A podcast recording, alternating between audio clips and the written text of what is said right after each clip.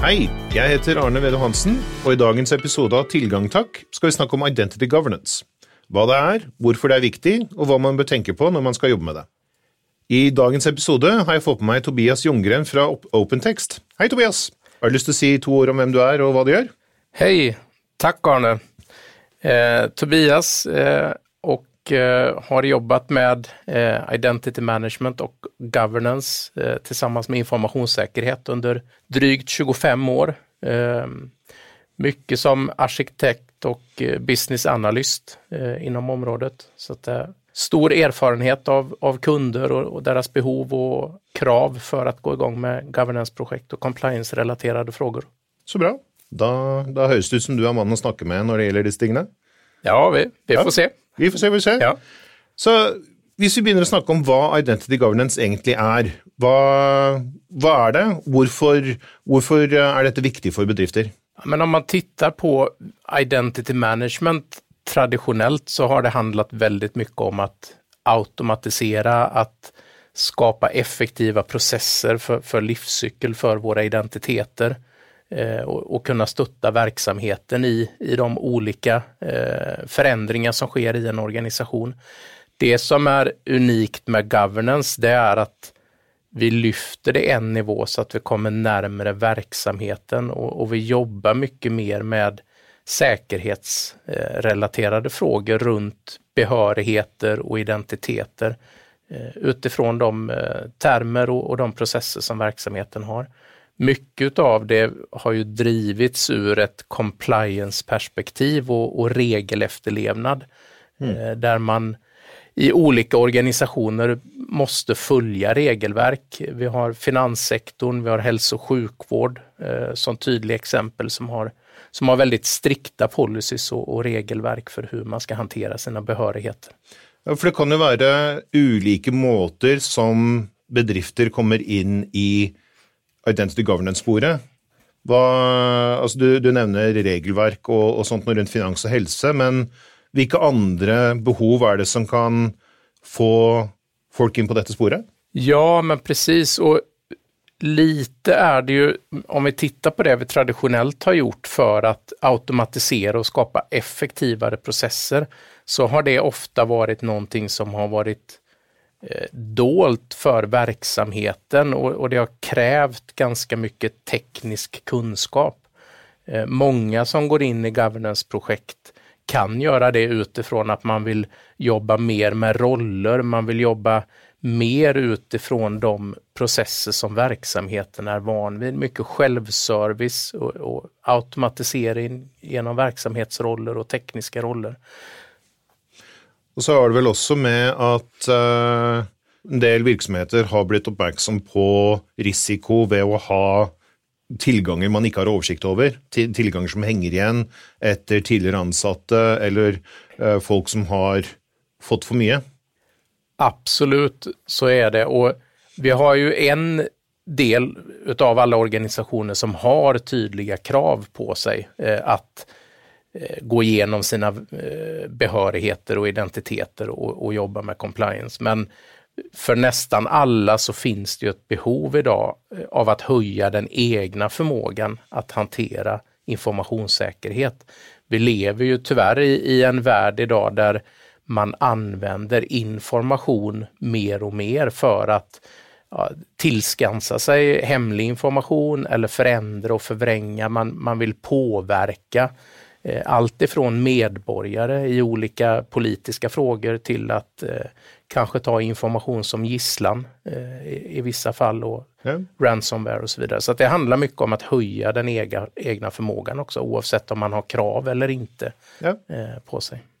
Och det som väl visar sig i praxis för alla som inte har haft några tankar, några arbete runt detta här från förr, när de drar igång så ser man plötsligt att oj, här var det många skeletter i skapet som vi tränger att dra fram och, och se lite närmare på. Ja, eh, det första som, som ofta händer om man går in i ett, i ett projekt eller eh, startar ett initiativ kring, eh, kring, kring governance, det är ju att man skapar en, en gap-analys eller en gapanalys där man tittar lite granna på vad är vårt nuläge och hur långt ifrån vår förväntade eh, nuläge är vi.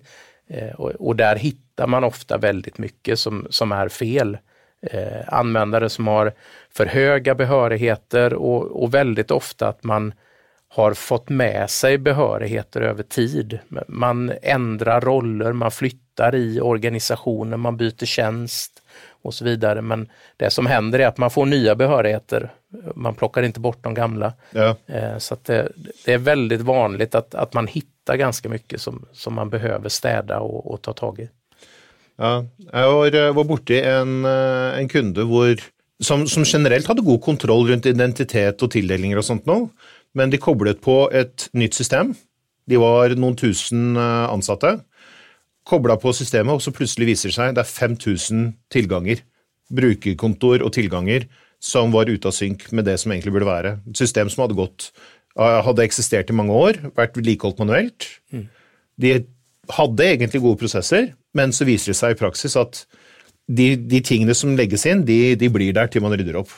Ja, eh, så är det. Och ett annat exempel som vi ofta ser det är ju att man har under implementation och i början av projekt så, så skapar man väldigt mycket konton med höga behörigheter eh, för konsulter och för administratörer och, och, så för att få igång det. Och det är inte helt ovanligt att de ligger kvar. Ja. Eh, och för en illasinnad som vill stjäla informationen eller komma åt eh, olika system och så, så är det en guldgruva. Eh, och, och hitta mm. de här kontona som, som ligger som administratörer. För folk är ju väldigt kjappe till att si fra när de inte har tillgång de trenger för att göra jobben. Men när de då i nästa omgång är färdiga och inte trenger tillgång längre så är det så ja, jag vet ju inte när vi har bruk för den igen. Kan bara låta den ligga. Ja, precis. Och ett problem med detta också som, som en bra governance-lösning eh, hjälper oss med, det är ju att chefer och andra personer som behöver ta ställning till huruvida en behörighet ska vara kvar eller inte kan börja och, och arbeta med verksamhetstermer och man kan berika informationen, sätta mm. bra namn, bra beskrivningar på behörigheter. Eh, och alltså ge ett stöd för att helt enkelt ta rätt beslut. Annars är det väldigt lätt att man får en lista med massa behörigheter i, i ett verksamhetssystem och man förstår inte vad behörigheterna betyder eller vad de används till. Och då säger man ja, man väljer att behålla behörigheterna för att man är osäker på vad som skulle hända om man tar bort dem. Ja, för det värsta som kan ske är att någon inte får gjort jobben sin och det vill du i hvert fall undgå. Ja, Så absolut. det är en sån obskurt namn på en AD-grupp med 64 tegn med noen koder og noe greier. Det er jo vanskelig å forholde seg til om det er noe som faktisk er noe man trenger eller ikke. Ja, precis. Så, så når man skal dra i gang det her, hva, si at man ikke har gjort så mye på dette området fra før, hva er en god måte å starte på? Ett bra sätt att, att starta på, det är ju att fundera eh, utifrån sin verksamhet. Vad är det för någonting som vi Eh, som vi behöver. Vad är det som är det viktigaste för oss när vi går igång med ett sånt här projekt?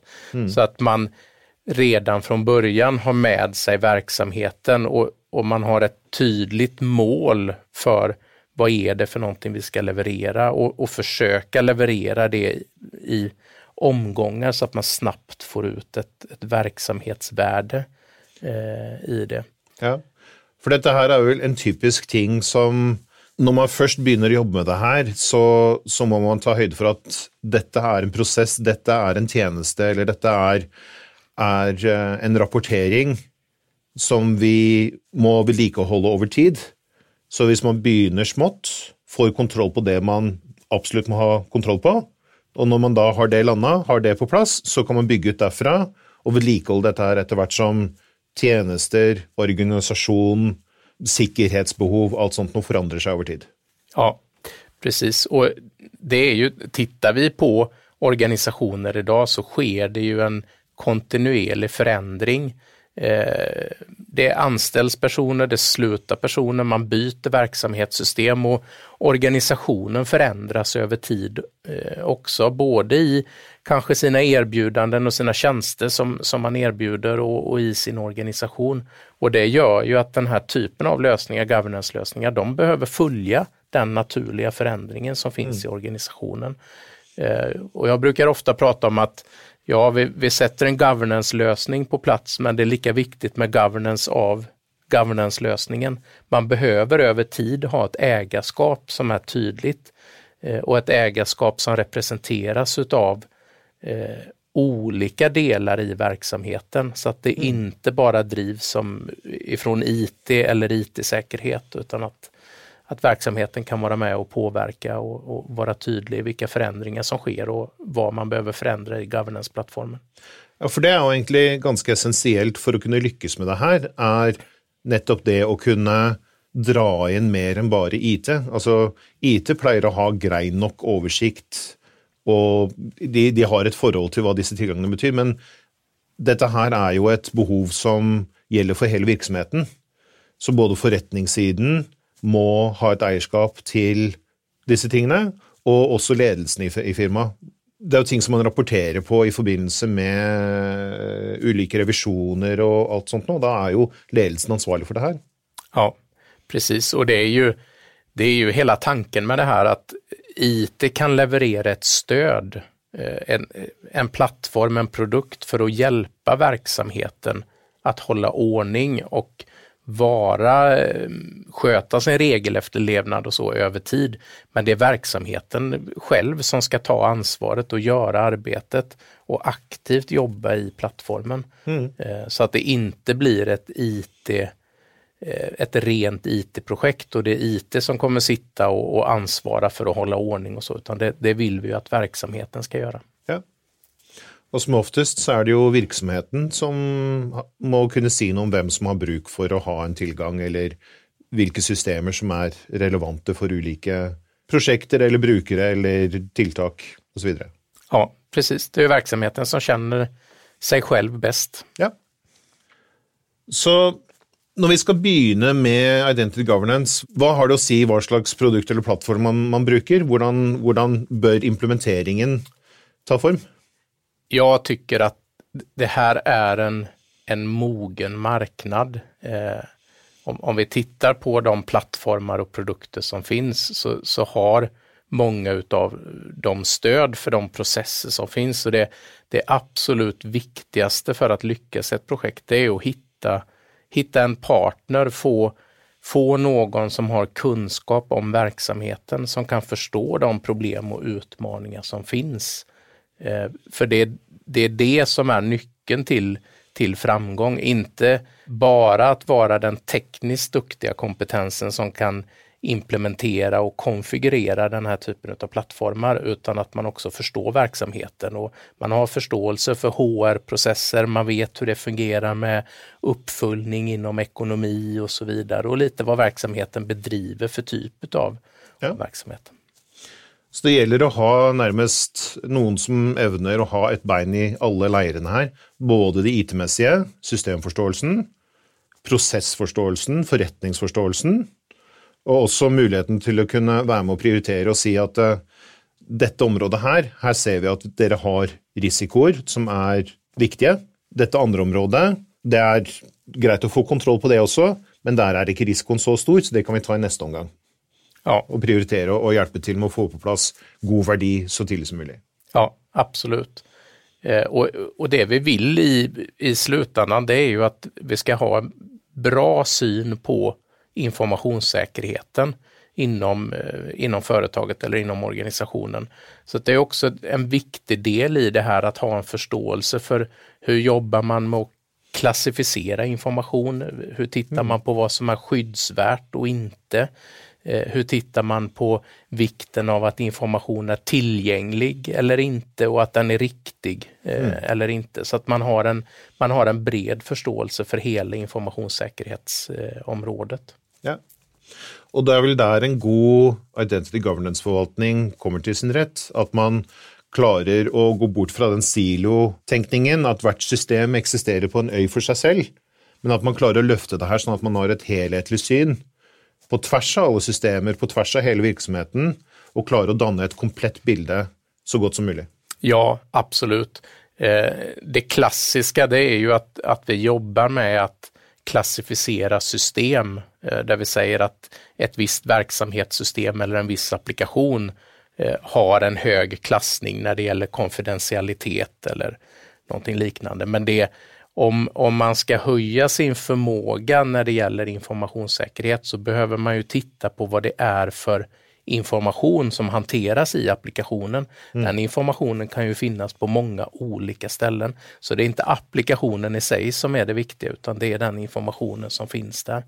Eh, och, och, kommer man till det läget att man mer börjar att prata om informationstillgångar och hur de är klassade, då har man också höjt sin egen nivå och sin egen mognad i, i informationssäkerhetsarbetet. Mm.